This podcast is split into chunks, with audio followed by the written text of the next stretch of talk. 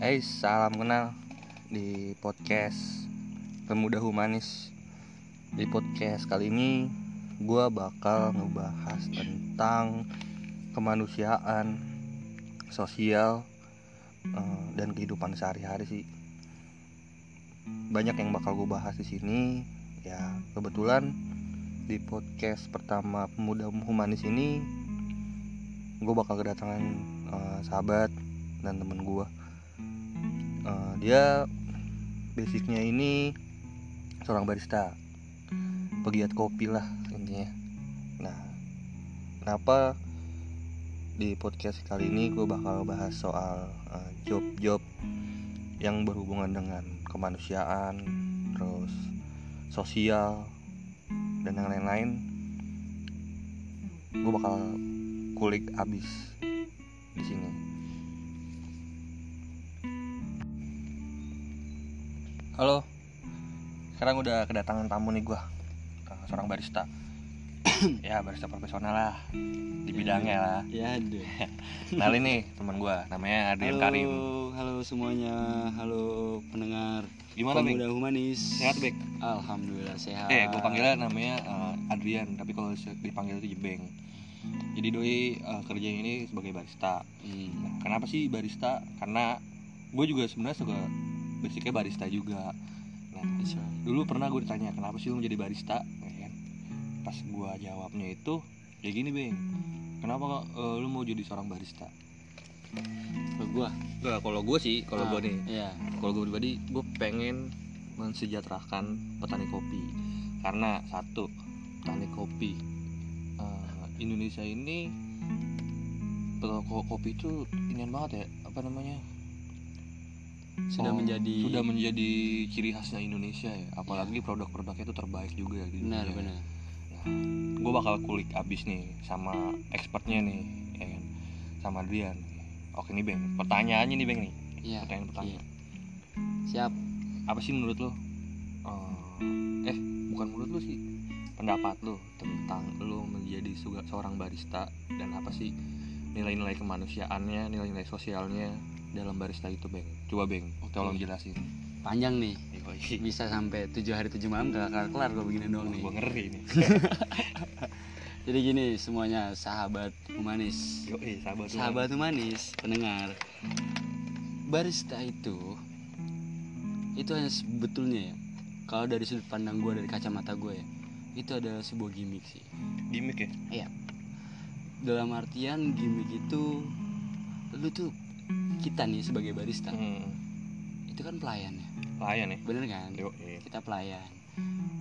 Wah kalau kita berbicara soal sosial, pekerjaan ini nih sangat-sangat wah gila sih. Ini bukan anti sosial ya, Yoi.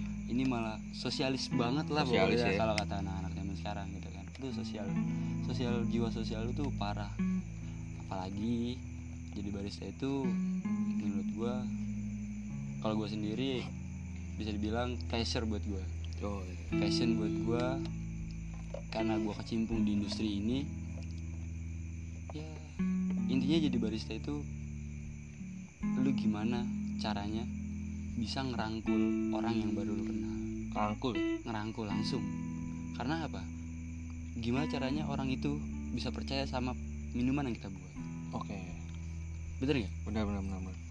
Nggak barista juga. Nggak barista. banyak sih pekerjaan-pekerjaan lain yang entah itu bartender profesi-profesi lain. Bartender entah itu tukang minuman tukang pop ice kayak Iya, kan bener benar, nggak? benar, benar. kan kita harus membuat customer kita percaya dengan seduhan kita dengan produk kita gitu. Dan satu yang menjadi pemikiran gue sampai saat ini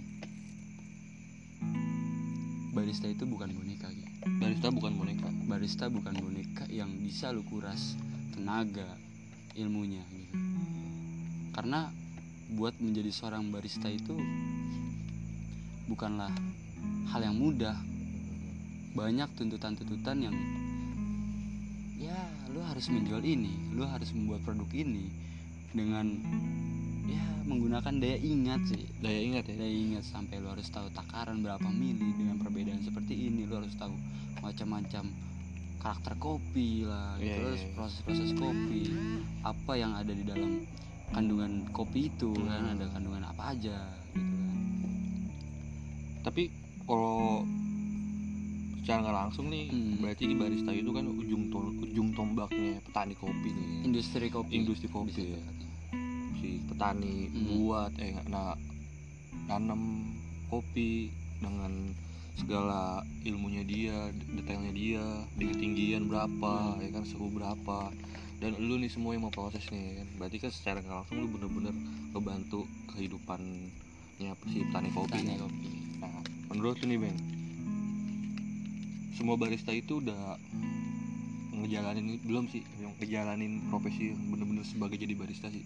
Bukan sekedar cuman passion atau Yap. uh, cuan ya kan? Ya. Sekedar uang uang uang uang. Secara nggak langsung tuh lu bekerja sebagai uh, profesi barista yang identik dengan sebenarnya ide, menurut gue identik ya. Karena identik itu uh, bersandingan lah soalnya antara passion hobi ya kan? Keahlian dan satu juga yang gue bilang itu sosial kan. Itu semuanya berkesinambungan tuh. Kesinambungan Yoi semua. kan berkesinambungan. Parah. parah sih itu. Terus ya lu bisa eh, ngebantu kehidupan sosialnya petani kopi ya kan? Terus bisa ngebantu kehidupannya ekonominya si petani kopi lah pokoknya. Nah ada satu pertanyaan lagi Gua- yang gue pengen tanya nih sama seorang barista. Apa nih penting gak sih menurut lu menjadi seorang barista itu memikirkan kesehatan si customer?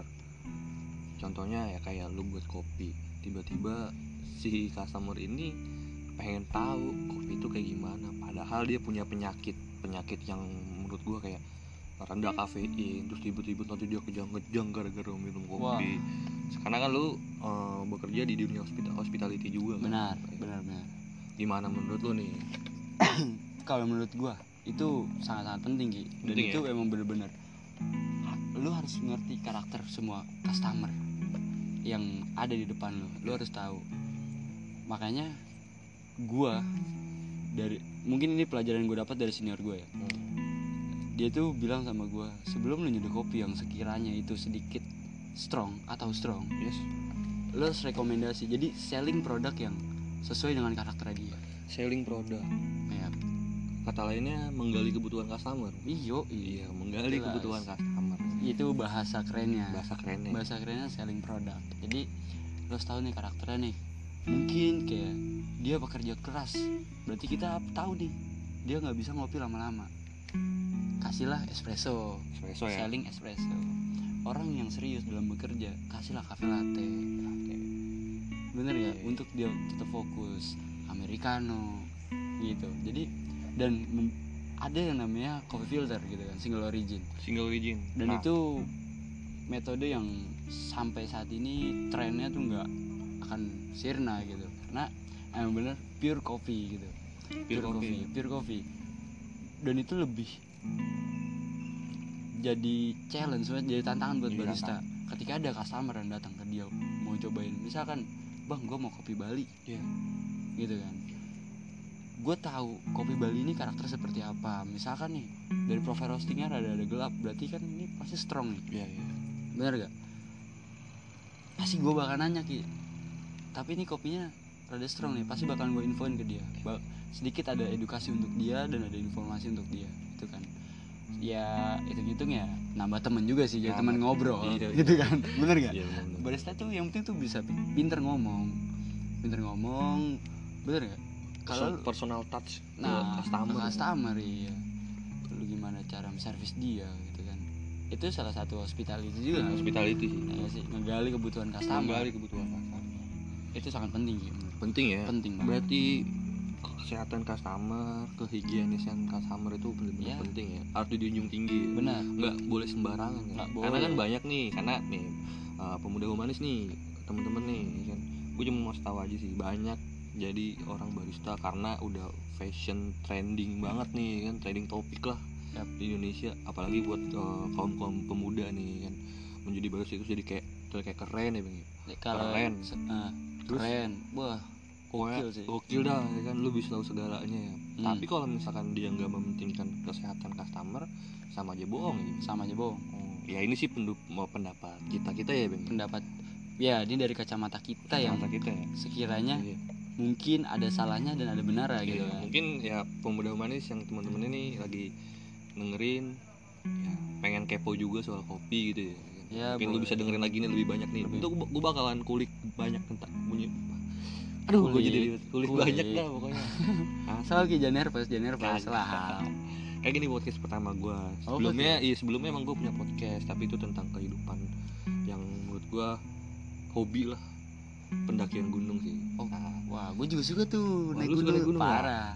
Naik gunung itu kan sama aja ya kan ya? Maksudnya ada simbiosis ada ya. simbiosis mutualismenya ya kan? Parah. Apaan sih kayak lu si kopi ditanam di ketinggian beberapa ribu meter ya ya. kan? nah kita sebagai pendaki juga tahu. Kita tahu. Ya kan? bahkan gue pernah naik gunung raung.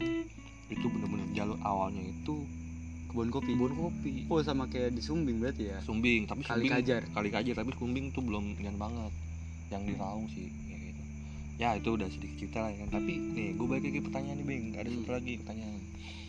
Menurut lo nih menurut lo em, kopi kita tuh menurut lo kualitas terbaik gak sih dan apa sih yang lu tahu tentang kualitas kopi Indonesia? Apa nih kan? Lu kan ya banyak nih kan? Lu roster ya kan? Lu barista juga nih ya kan? Waduh. Marek banget dong gue agak. Tapi apa nih menurut lu nih kualitas kopi Indonesia? Dan mungkin teman-teman eh, pemuda humanis nih pengen belajar kopi misalkan ya. bisa. Nah, gimana bing? Menurut Bing? Gini, kualitasnya kopi soal- Indonesia nih. ini gue ngebahas soal kualitas kopi ya? Iya Nih sebelumnya buat para pendengar humanis, pemuda humanis ini nih, biar kita nggak salah paham nih, baiknya kalau dengerin dari awal sampai akhir, Jangan pasti setengah biar nggak salah kaprah, iya. Bener nggak? Ini kita ngobrolin soal spesial kopi spesial dari Indonesia. Indonesia tuh dari ujung Sabang sampai ujung Maroke itu setiap daerah bisa dibilang bisa dibilang nggak semua daerah sih. Enggak semua ya? Nggak semua daerah. Itu memiliki kopi yang berkualitas sangat sangat bagus. Gitu gitu namun namun tuh kan? Sorry. namun. Es mulu sih lo namun kekurangannya dari segi sorry nih gue bukan pengen menjorok ke satu brand atau satu brand lagi kan iya iya iya satu iya. wadah gitu kan Hmm. kita sebagai masyarakat Indonesia yang real bener-bener orang Indonesia gitu orang Indonesia ya. bisa dibilang belum merasakan kopi spesial dari tanah kita sendiri Kenapa gitu? Padahal kan banyak produk-produk kopi Indonesia itu yang benar-benar hmm, booming bahkan ke dunia loh. ya seluruh dunia udah tahu kopi Indonesia Iya. jadi kopi yang berkualitas spesial spesial kopi speciality yang grade Edo speciality itu kita lempar keluar Oh gitu. Iya. Kita lempar keluar karena kebutuhan luar itu bisa dibilang sangat besar. Sangat besar. Sangat besar. Bermain pasar itu besar di sana. Ekspor keluar, ekspor keluar, ekspor keluar. Jadi gua Heeh. di pengalaman pribadi gue, gue sebagai pelaku kopi atau gue sebagai roaster gitu ya. Iya. Gue sudah coba buat keliling, keliling ya walaupun masih Pulau Jawa gitu, Pulau Jawa dan Sumatera. Itu gue bisa dibilang gue susah untuk mendapatkan itu. Hmm. Kenapa susah tuh, Bang? Padahal kan seenggaknya lu di dalam lingkaran itu kan. Hmm. Karena gini, sudah banyak permainan-permainan yang mengatur semua ini. Contoh, nih gue keluar dari industri kopi nih. Iya. Contoh, udang. Contoh nih, hal kecil banget yang kita nggak sadarin. Udang di Indonesia tuh kualitas paling bagus Udang cuy. sedunia. Sedunia cuy. Cuman apa? Negara lain yang enggak, sama lah kayak Freeport gitu lah. Ada yang memonopoli ini semua. Wah. Berarti nih ngebahasnya Panjang ada ke nih. politik juga nih. Parah. Jadi banyak kok setiap industri itu ada mafia-mafianya. Mafia pasti. Banyak. Banyak banget.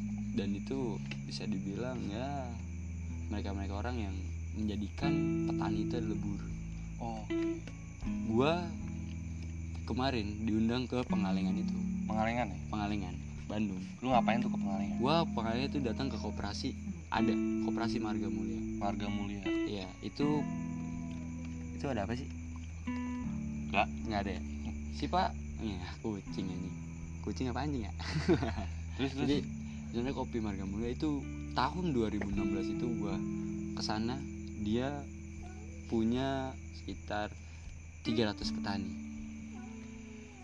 Dan itu pure di di apa?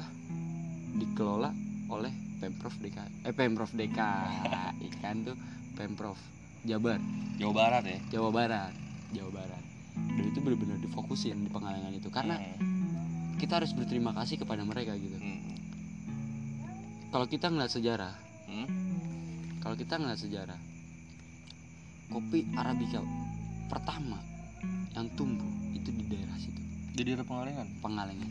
Jadi arabica pertama tuh di Indonesia daerah pengalengan? Yaps kan yang itu valid tuh beritanya ya? Ya valid dan ya? berbuah itu valid beritanya. Oh, iya. itu valid. Karena dulu di Jakarta pun ditanam. Ditanam ya? Cuman kena banjir. Hmm, terus? Kena banjir jadi nggak tumbuh gitu gagal. Jadi gubernur VOC pada zamannya pada zaman itu hmm. gubernur VOC pada zaman itu ngirim bibit Ethiopia. Sih Ethiopia. Ya ke Pengalengan berarti ini lebih ke sejarah kopi di Indonesia ya itu gua masuk ke sejarah dulu biar nggak salah nih. paham ya Iya, iya. itu ada si tetangga ya kan Dari sejarah kopi tuh ya Iya sejarah kopi. Iya sejarah kopi ki. Gitu. Ah, nah, gua tadi kan lu nanya, "Lu ngapain lu ke situ ya? kan? ya iya Jadi bulan ini, bulan depan sih seharusnya udah panen. Kemarin gua ngumpul bareng sama sekitar 500 petani itu untuk ngobrolin ngatur strategi untuk panen bulan ini. Jadi pra panen. berarti nih kan lu jatuhnya nih udah sebagai bukan jadi barista lagi nih kan lu udah merangkap sebagai kayak ya Sebut aktivis kopi ya. aktivis ah kopi. itu yang gue baru pengen ngomongin jadi lu sebagai aktivis kopi yang memperjuangkan bener-bener hak-hak petani kopi lah ya Ya itu bukan penikmat. sorry.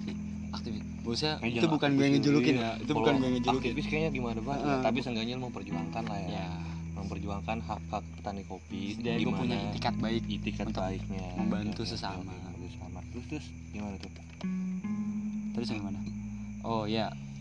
500 ya. 500 500 petani kopi Jadi kita ng- ngatur strategi dari berapa puluh hektar lahan kopi di sana. di Pengalengan Pengalengan. Itu kita ngatur nih karena 6 bulan itu hmm? dalam 6 bulan itu nggak semua biji, eh, biji kopi. Cherry kopi itu bisa kita petik bareng. Oh, dalam gitu? satu hari nggak? Nggak bisa. Berkala. Berkala. Misalkan dari satu pohon kopi ini bisa menghasilkan ini pohon kopi yang terbaik ya, Ya. bisa menghasilkan 10 kilo. Dari satu pohon kopi. Iya. Dari berarti dari satu pohon kopi itu bisa menghasilkan 10 10 kilo kilo dalam enam bulan. 6 bulan. Iya dalam 6 bulan sekali kurang 10 lebih kilo. iya. Oke. Jadi itu bakal dikumpulin semuanya. Hmm. kenapa gue bisa bilang kita ini nggak kebagian kopi specialty mereka udah punya bayar ternyata. Maksudnya? Bayar pembeli. Pembeli yang udah punya taken kontrak. Oh Ke koperasi itu. di booking gitu. ya oh ngebooking lah ya. Gue minta misalkan nih 10 ton atau 20 ton hmm. dalam enam bulan itu.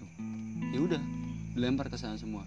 Nah kita sebagai roster lokal sebagai kita pedagang. Jujur gue pedagang. Eh, paham lah ya. Niat gue baik nih ya bukan gue untuk cuan. Ya sedikit ada Ada lah, kita nggak munafik ya lah. kita nggak munafik soal butuh cuan. Heeh. cuman kan kita sewajarnya. Sewajarnya gitu kan. Dan- ya itu kita ntar bisa ada sesinya. Kita ngobrol itu. Nah intinya ketika gue berbicara di sana gimana kalau kita fokusin ke arah lokal? Cara lokal dulu tuh. Kita prioritasin. Prioritas lokal. Dan itu tetap nggak bisa karena eh, pemerintah daerah situ?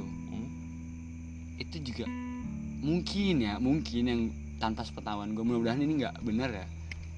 Bermain juga di situ Gi. bermain di situ. Bermain. Itu dari lingkaran kecil. Main gelap lah ya. Ah main belakang lah kalau kata soal Bisa sih hubungan. gitu. Tetap kalau orang tuh kenal duit pasti gelap. Gelap sih gelap. Tapi Itu. lu- insya Allah lo enggak kan? Insya Allah Allah enggak. Enggak. dan dijauhin dari segala segalanya gitu. amin Sa- karena menurut gue gini bing.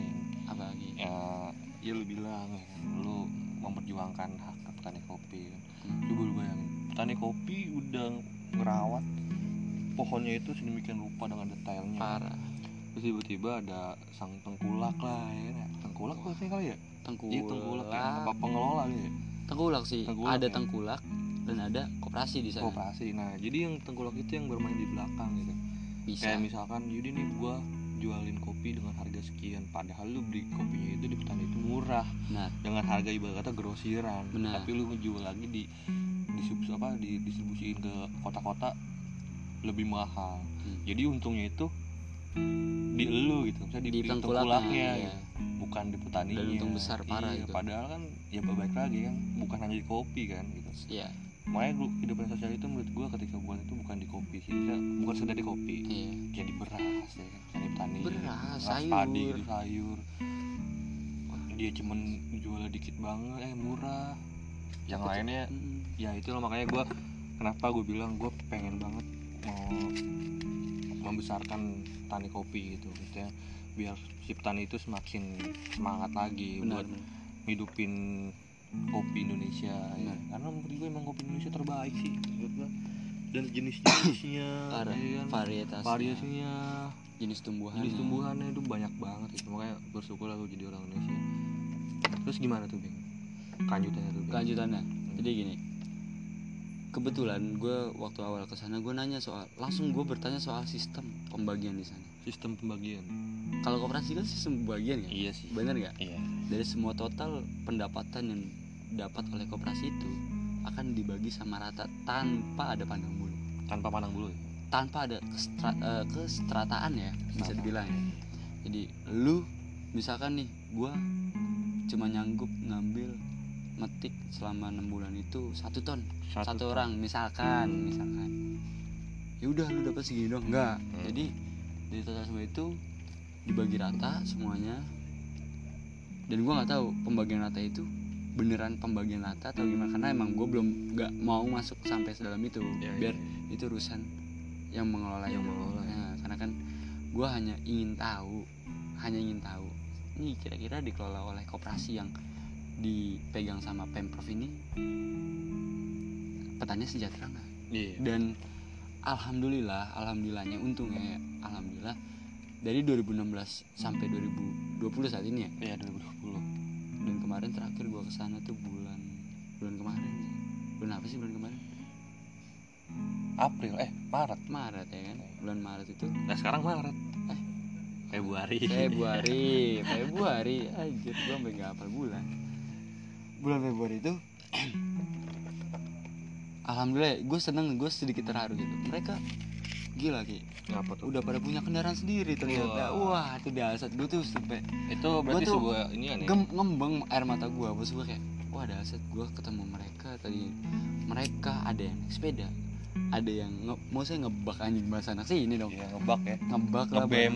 ah, ngebeman gitu kan sekarang mereka udah ada yang punya mobil bak ada yang punya motor gitu dan menurut Iya. gua ada satu pencapaian yang sukses di sana gitu Itu sang, harus harus ya harus kayak gitu. ya itu itu di pengalengan ya itu Pengalengan. koperasi yang benar-benar di dan ada di sana tangkulak ada itu milik perorangan gue sempet nanya ke petani sana ngobrol lah kita sharing gitu ya Iya.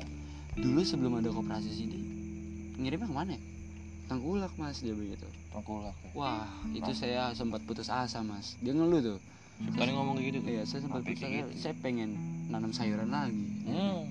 karena di parah kayak di sana per kilo itu cherry ya cherrynya itu dia per kilo ya Belum di belum diproses belum diproses ya. itu baru cherry aja itu dikasih harga sepuluh ribu per kilo Oh. wah dahsyat deh.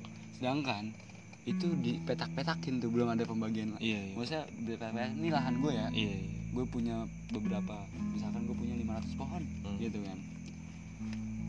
Hitung dah 10 kali 100 pohon. Berapa? Sejuta. Bener nggak?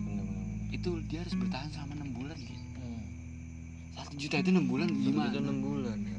Ih belum deh. Tapi lu di sini gaji sebulan hampir 2 juta ya? parah. Berarti dua kali lipat lah ya? Nah itu kan nah itu tuh berarti teman-teman tuh. Ada kesenjangan kan iya situ? jadi sedikit saran sih bang ya. Yap.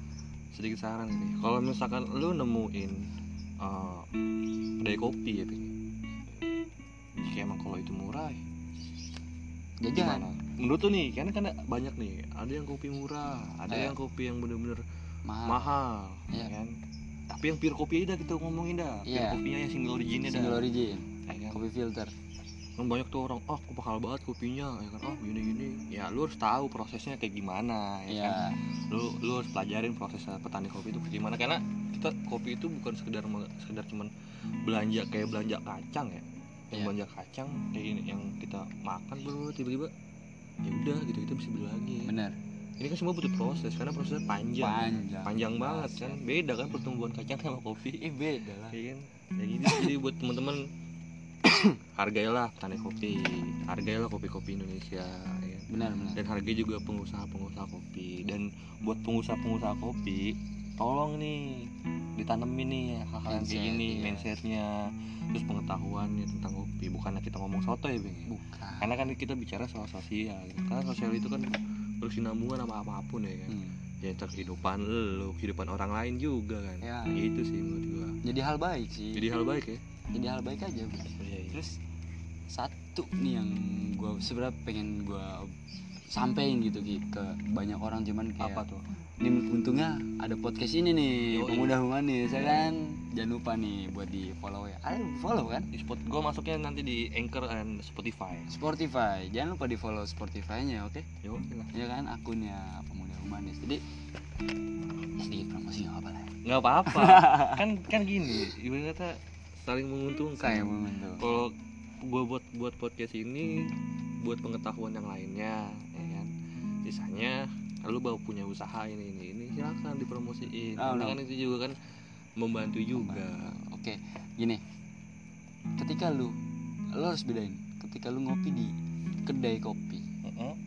dan coffee shop yang zaman sekarang yang estetik parah. Oh, eh, Yang yang yang fancy yang, parah. yang lagi booming boomingnya sama eh, es kopi susu misalkan Ah. gitu gitu ya Benar.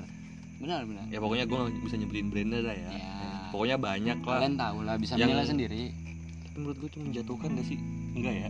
Enggak lah ya. Di sisi di sisi kualitas menjatuhkan, menjatuhkan pasar sih. Menjatuhkan pasar, menjatuhkan pasar. Tapi kita nggak bisa idealis seperti itu karena Yoi. itu emang udah alur ya. Aduh ya. nanti bakal nemuin pasar masing-masing. Orang nggak akan selamanya minum es kopi susu es kopi susu gitu kan pasti dia akan lebih tahu gitu apalagi dia udah masuk third wave di mana orang-orang tuh orang-orang masyarakat itu pengen tahu lebih dalam lagi soal kopi. Hmm. gitu. Enggak Terus? gimana? Gimana lagi tuh? Nih saran gua. Saran ya. Saran tips-tipsnya nih brother. Ya tolong didengerin ya. lu ngopi di tempat yang hype bener gak coffee shop yang bisa dibilang itu coffee shop hype lu jangan kaget dengan harga yang sedikit mahal. Karena lu harus tahu. Ini gue ngomongin dari segi sisi owner atau segi kacamata owner ya? Eh, atau segi, gimana? segi kacamata owner lah karena Kacamata owner owner. ini kan lebih lebih dekat sama ah. itulah ya. Ah, ah. gue masalah bisnis. Lu harus memikirkan soal tempat. Di mana dia? Sekarang lu saat, saat dalam satu gelas bisa beli harga kopi 30 ribu itu lu jangan ngeluh. Hmm. seharusnya gini ya lu coba lu ubah mindset lu nih. Misalkan nih Ki gue dagang baju. Jagang baju. Dagang baju. Kan kalau punchline anjing punchline bercandaan guyonan orang Indonesia tuh gini. Temen sendiri jualan Mm-mm. iyalah harga temen lah. Ya. Eh, itu goblok sih itu harga temen. sorry kasar sorry kasar sorry kasar. Sorry kasar. Maksud gue itu nggak make sense buat gue masih temen usaha sih usaha, usaha gitu. kan? Maksud gue ibarat lu mindsetin bahwasannya petani ini temen lu? Yo iya owner ini temen lu gitu kan? Kalau lu pengen temen lu sukses masa sih tiga puluh ribu aja nggak lu beli? Gitu kan? Masa tiga puluh ribu aja lu ngeluh oh iya bener. gak daripada lu ngasih ngasih lagi. Daripada buat hal-hal yang enggak beres ya. Kayak misalkan buat lu beli paketan nih buat beli paketan dan ujung-ujungnya sorry buat nonton film-film yang enggak iya. yang enggak paketan Itu mahal ya. enggak ada faedahnya Yoi. Benar nggak? Karena menurut gua lu jangan mengeluh soal itu. Proses. Lu harus menghargai proses pak. Prosesnya semua orang harus harus menghargai proses. Kadang orang tuh tutup mata tutup telinga soal proses. Yap, bener-bener. dan yang kedua kedai kopi. Nah lu harus bisa bedain kenapa kedai kopi eh, bisa harga yang murah. Karena dia nggak perlu sewa lahan yang mahal. Itu kedai kopi apa nih beng kedai kopi Kan gerobak sorry. gerobak ya? gerobak gerobak gitu ya. Dia lurus ini gitu kedai Iya. kopi gerobak. Sa- beda yang sama iya. tempatnya ya. Kalau Ah. tempat kita emang harus bayar. Harus bayar. Itulah adalah hitung hitungannya lah ya. Ya dia, harga mungkin puluh puluhan ribu belasan ribu gitu jual harga per gelasnya. Itu masuk ke hitungannya mereka gitu. Karena dia juga nggak mau dong nggak markup terlalu tinggi. Iya benar dari segi marketing itu nggak masuk kalau misalnya dia tinggi siapa dia siapa gitu. dia? Lu ngasih kenyamanan apa ke dia? Ngasih kebersihan apa ke dia gitu kan? Kan balik lagi tuh ke awal. Bener kan? Tapi kalau lu nanya ke gue misalnya nih sekarang lu tanya ke gue lu lebih milih mana? Nongkrong di coffee shop atau di kedai kopi gerobak? Kalau gue pribadi sih nongkrong di kedai kopi sih.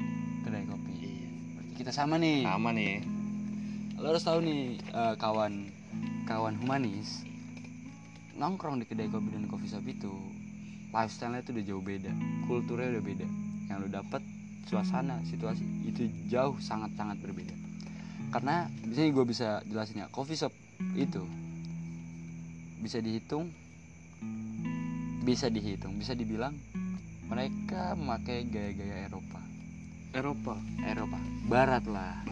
Barat. Maksudnya bukan Indonesia banget lah jadi dia mencampurkan sebuah budaya dong. Su- ya antara budaya Eropa dan budaya kita sendiri. Ya di sana tuh buat orang-orang yang lebih serius. Ya serius dalam bekerja. Hmm. karena emang dia butuh situ eh, suasana seperti itu. Yap, yap. bener nggak? Bener. lu mengharapkan lu diajak ngobrol sama orang yang kenal di situ tuh jangan jangan berharap gitu. Jadi di sana bener-bener lu lu gua gua di coffee shop itu. Di coffee shop ya mungkin ada coffee shop yang kulturnya beda kayak Indonesia banget mungkin ada. Ada. Mungkin gue belum nemuin aja. Dan bedanya di kedai kopi gerobak. Wah dahsyat sih. Kenapa gue suka di kedai kopi? Yang pertama gue pun bisa dapat temen baru yang sekiranya lu nggak bisa sangka lah. Ternyata wah ini orang kayak gini. Wah ini orang kayak gini. Yang kedua kultur. Kultur dalam mengkop eh, budaya kopi budaya ngopi. Budaya ngopi itu apa sih? Lu diskusi pak. Ya iya. Kopi itu stimulin. Stimuli parah. Diskusi. Lu diskusi ngobrol yang berat-berat tuh di kedai kopi aja lah gitu. Iya, nggak usah di coffee kopi. shop gitu. Di kedai kopi karena lu jauh dari sosial media lu jauh dari gadget-gadgetan dan emang beneran nggak kepake. Berarti benar juga tuh ya sama katanya lagunya uh, Warkop DKI warkop deh kayak nongkrong di nongkrong di warung kopi ngobrol. sana di- dan sini. Ah. oh iya benar benar benar wah keren juga tuh emang. Dono kasih Dono tuh berarti dari dulu tuh emang mempelajari itu mungkin ya. Mungkin. Pada zaman itu dia mempelajari itu makanya warkop. Wah warkop deh warung Iya. kopi. Jadi kan seenggaknya dari dari dari generasi ke generasi nama-nama kedai kopi itu berubah- berubah-ubah dong. berubah-ubah Dari warung kopi, kedai kopi, yang sekarang-sekarang yang mau lagi ngata-ngatanya coffee shop. coffee shop Oh iya kan ya? iya Coffee shop. Tapi tetap semuanya kulturnya sama dong. sama Cuman sebetulnya beda tema mungkin. beda situasi Beda situasi. situasi yang dibuat oleh baristanya gitu kan makanya saran buat mungkin yang mendengar ini adalah barista nih ya Iya. Syukur-syukur barista ya. Tapi Ya. kalau yang pengen tahu juga nggak apa-apa. Nggak apa Jadi barista asik loh. nah buat barista ya lu lebih aktif sih semua owner tuh semua owner ya semua owner coffee shop itu mengharapkan keaktifan lu Keaktifan. jangan pasif jangan mengira bahwasanya lu barista lu punya pride yang lebih tinggi dari customer kagak Ya benar tuh. lu salah kayak gitu Iya. iya. bis lu ngejala lu kayak begitu lu nggak akan maju itu yang nama itu sedikit mengurangi jiwa sosial Tuh dia tuh intinya tuh jiwa sosial, brother. Gue senang banget gue sama membahas bahas soal sosial itu gak tahu kenapa. nih di kedai kopi gerobakan terutamanya. Gua bisa buat gua ngopi di bilangan Jakarta Selatan di Gerobakan. Terus gue mental lagi ke Tangerang Selatan. Tangerang Selatan. Kayak gitu aja gue kehidupan gue keliling-keliling ya? Keliling keliling cari sahabat-sahabat ya. cari keluarga baru sih. Gua keluarga baru kita ini keluarga kayak semua orang di, di dunia di lingkaran kita ini keluarga.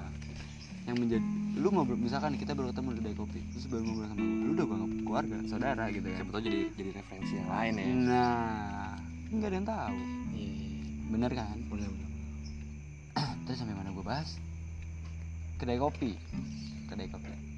Gua ngopi di bilangan ini bilangan ini. Di bilangan jaksel. Jaksel. jaksel pak. Habis pak di, di tangsel tangsel habis pak selatan lah yang Hmm. penting ya anak selatan lah. Anjing ada selatan.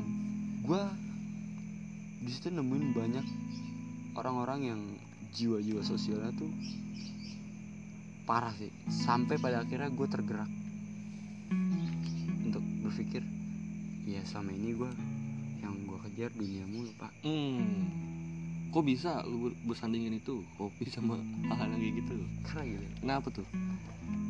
Lu ngejar dunia. Ini ngomongin aduh berat juga sih ngomong saya ya mudahan kalau gue salah mohon maaf ya ngomong kayak gini ya. lu ngomongin soal dunia kan gak ada habisnya. Yoi. Bener nggak? Dunia ya apa sih? Sementara pak kita Hmm. juga nih punya badan dipinjemin sama Allah yo sama Tuhan. Bener nggak? Bener bener bener raga kita doang eh jiwa kita doang yang kita banget gitu. Yoi. tapi raga kita bukan punya kita. Nah, jadi lu harus harus tahu nih batasan-batasan yang jadi manusia. Bener nggak? Iya bener bener. Ketika lu punya lawan bicara yang sekiranya lebih pintar dari lu Mm-mm. apa salah sih lu jadi kuping? Ih bener. Cakep tuh iya bener jangan mencoba menggurui setiap orang. Nah. Jangan mencoba merasa jual be- eh, lu paling better gitu. Yoi. Lu paling baik. Lu paling keren. Lu paling paling dah pokoknya. Jangan pernah. Kita gue selalu bilang sama teman-teman gue di lingkaran gue di keluarga gue ayo kita hidup di luar. Mm-mm. kita terapin filosofi padi. Semakin lu punya ilmu tinggi semakin lu tunduk. Ini itu filosofi padi tuh parah pak. Semakin lu tinggi Semak- semakin lu nunduk. Nah, bener gak Oke, semakin lu pengen bener, bener, lu pengen padi anjir. oke oke. Jadi kayak padi tuh itu filosofi filosofi pasaran sih sebenarnya. eh, tapi, tapi kalau misalkan lu terapin di dunia hidup lu insya Allah lu jadi orang berhasil. Insya Allah insya Allah. Amin Allah jadi ilmu padi sekarang tuh orang udah pintar semua orang tuh udah pintar semua orang tuh udah pintar dia tahu mana orang yang jujur mana orang yang mana orang yang baik mana orang yang enggak. Bisa menilai lah. Dan gue di kedai kopi temen gue udah jadi keluarga gue udah jadi sahabat gue udah jadi adik gue udah wah parah lah. Itu orang. Gue di situ nemuin banyak sekiranya orang-orang yang butuh pendengar. Pendengar butuh pendengar gue wah itu parah sih.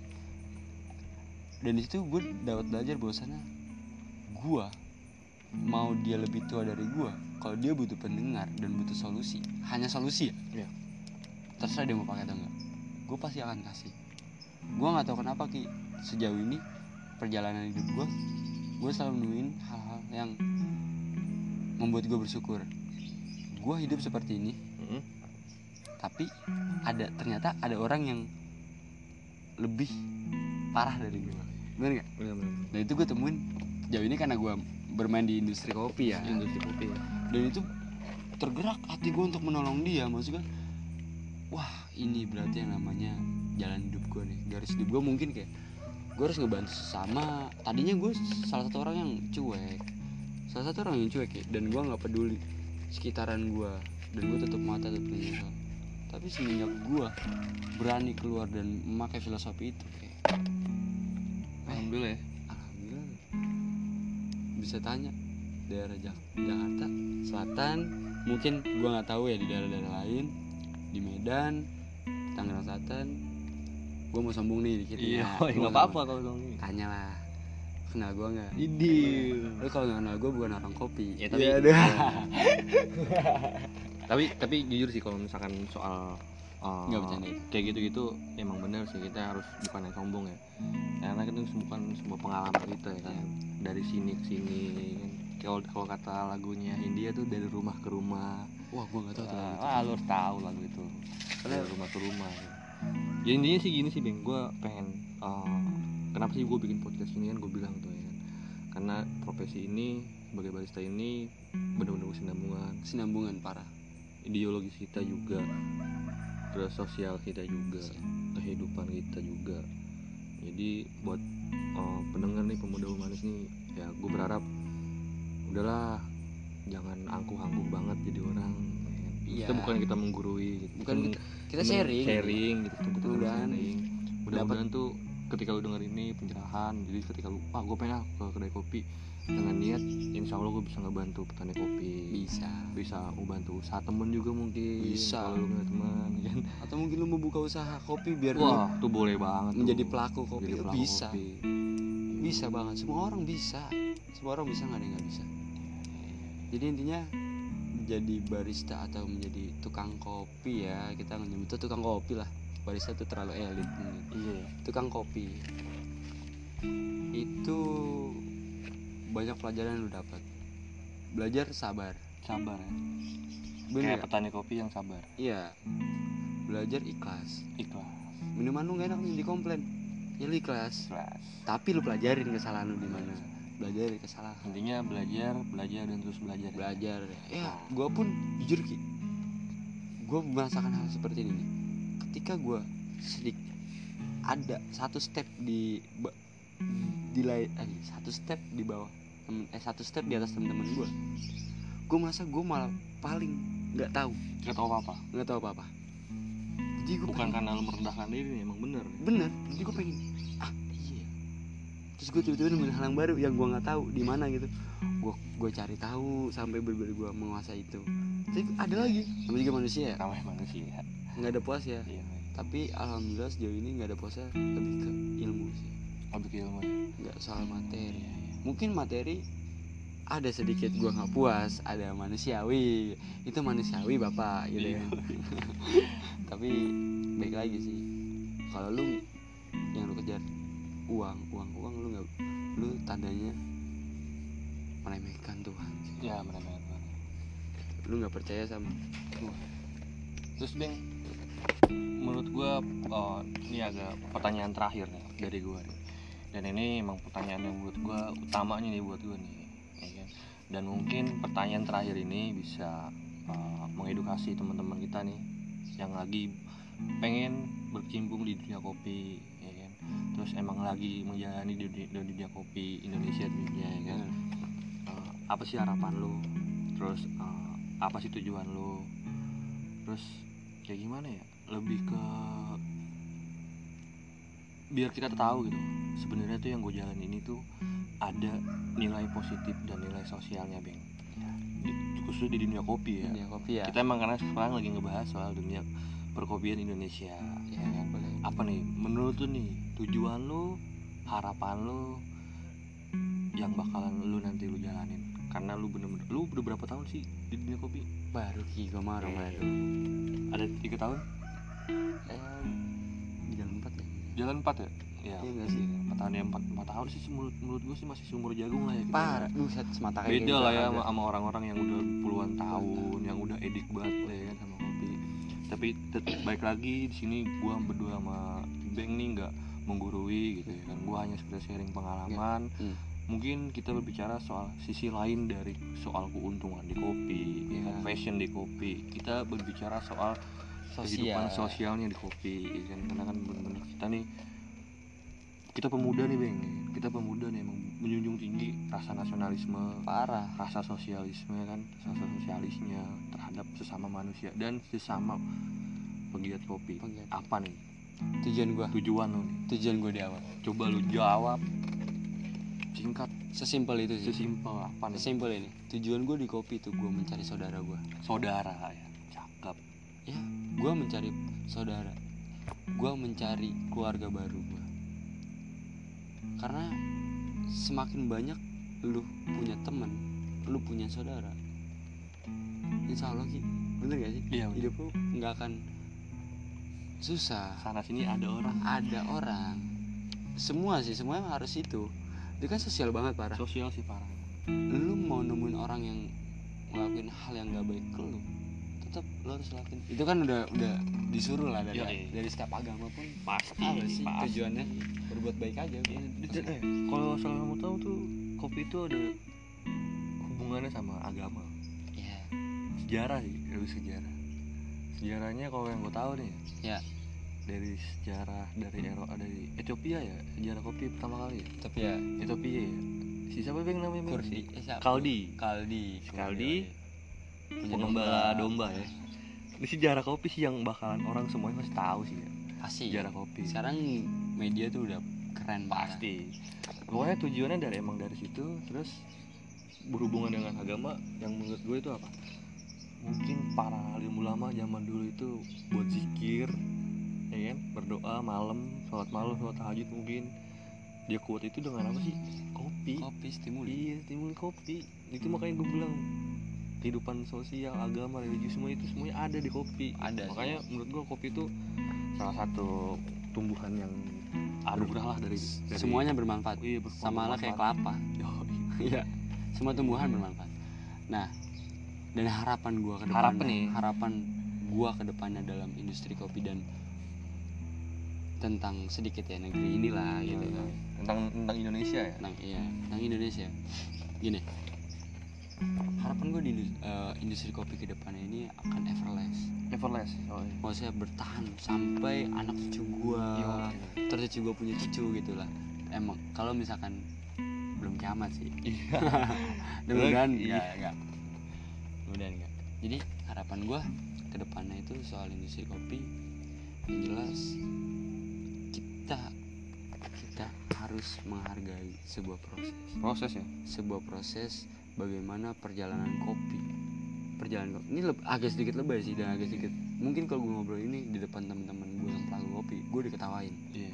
Mungkin. Mungkin yang dengerin pun pasti ketawa. Nggak apa-apa deh ketawa ya lo harus- ada. nah, lo harus menghargai sebuah proses perjalanan kopi dari dia benar-benar dari cherry sampai satu gelas kopi, yang Kopi. lo minum itu. Itu banyak perjuangan banyak keringat banyak keringat banyak perjuangan. Banyak perjuangan banyak pengorbanan. Banyak pengorbanan. Banyak cerita ya hargai itu. Hargai. Ya. intinya menghargai. Menghargai. Menghargai menjaga. Menjaga. Dan satu sedikit sentil ya gue gue minta kita semua berdoa untuk negeri ini Indonesia ini semoga membaik nih Situa- dalam situasi ini semua buruh buruh. semua buruh semua petani. Gue gak nyebut buruh tani ya tapi petani. Petani itu adalah gimana ya, bos. Petani itu bos. Kita ini sebagai buruhnya petani. Sedang dicekek oleh dua sisi. Petani dicekek oleh buyer dan oleh situasi seperti ini seperti virus yang saat ini ya kita saat inilah ya. Tapi buruh sedang dicekek oleh omnibus law dan virus ini. Jadi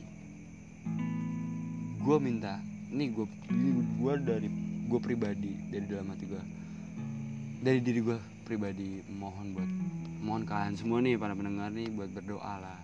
Untuk kita semua sih Kita sebenarnya. untuk kita semua agar ya ini ag- semuanya agar berakhir lah gitu dan kembali situasi. Kembali semula lagi ya. Karena dampaknya ini parah. Yes. Dampaknya parah. Banyak PHK di mana-mana. Yep. pengurangan wah itu dahsyat mutus Parah, ya. rezeki pak. Terus harapan selanjutnya untuk pemerintah agar tidak menjadikan petani itu buruh bur. untuk orang untuk semua orang-orang yang sekiranya mengejar dunia. Janganlah. Kita sesama manusia harusnya membantu. Saling membantu ya?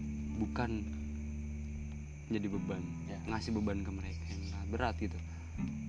Memanfaatkan situasi seperti ini wah gila sih. Gua ngeliat di jalanan itu tuh wah gua kalau jadi orang orang ya menjadi orang yang punya bisnis banyak mana teriak gue asli. Teriak bener ini mutus mata rantai pak.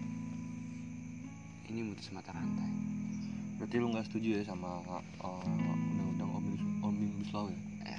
Ini gue takutnya virus ini menjadi benteng untuk mereka Iya. gitu. untuk mengesahkan ini ya? iya. Iya, iya. gue takutnya itu doang. Emang sebenarnya emang lagi hangat sih dibahas dibahas oh itu lagi hangat lagi hangat gue pikir gue doang yang mikirin ini. Agak semuanya lagi ngebahas soal ini. Karena- buruh tani juga kan masa kecekik ya. Karena gue udah membatasi jujur ya gue udah membatasi eh, sosial media gue untuk hal-hal seperti itu. Iya iya iya. gue udah membatasi dan karena gue takut kepikiran. Gue takut kepikiran dan jadi kayak merasa bersalah gitu. Mungkin mungkin. Ya iya.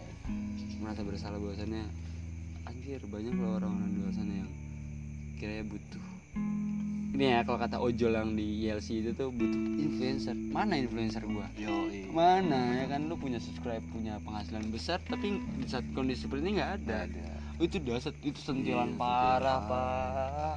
Gilang kayak gini partai politik mana ya? Mana? Menteri-menteri yang lagi kemarin kampanye ke mana? Mana? Salahnya?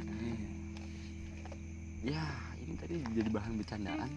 Jadi serius pak? Jadi serius. Bener lah. Emang harus kayak gitu bang harus belajar harus soalnya. belajar harus belajar dari Malaysia harus belajar dari jujur ya gue bukan bangga sama mereka tapi mereka udah lebih jauh lebih siap daripada kita ya bener soal hal seperti ini. Kita balik lagi nih itu udah terlalu jauh sih. Gue Iya. takut gue takut soalnya. Kita dicari nih. Nah, gue takut. Hmm, tapi emang harus sih bang. Kita emang sebagai pemuda harus ngerti-ngerti kayak gitu juga.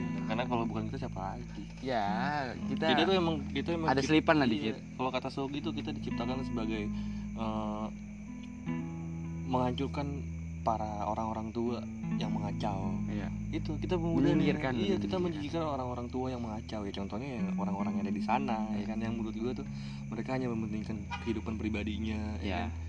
ya lu bisa ngopi kalau nggak ada petani ya kan? Iya. gimana ya lu gak akan bisa ngopi kalau gak ada petani tanam tapi lu tetap memanfaatkan petani itu demi keuntungan pribadi Ya. lu gitu itu sih yang yang yang emang sekarang lagi dibahas dan emang lagi gencar-gencarnya gitu. gue ikut serikat pekerja nasional maksudnya dan jujur itu parah sih di Iya, dalam iya, itu dalam lingkaran kita itu wah dari beribu-ribu anggota. Itu bisa dibilang 50-50 Ki. 50% 50% itu kena PHK gila gak lo sedih sih gua ngeliatnya. Tapi ya kita sebagai buruh ya sebagai pekerja gue selalu memikirkan bos gue iya.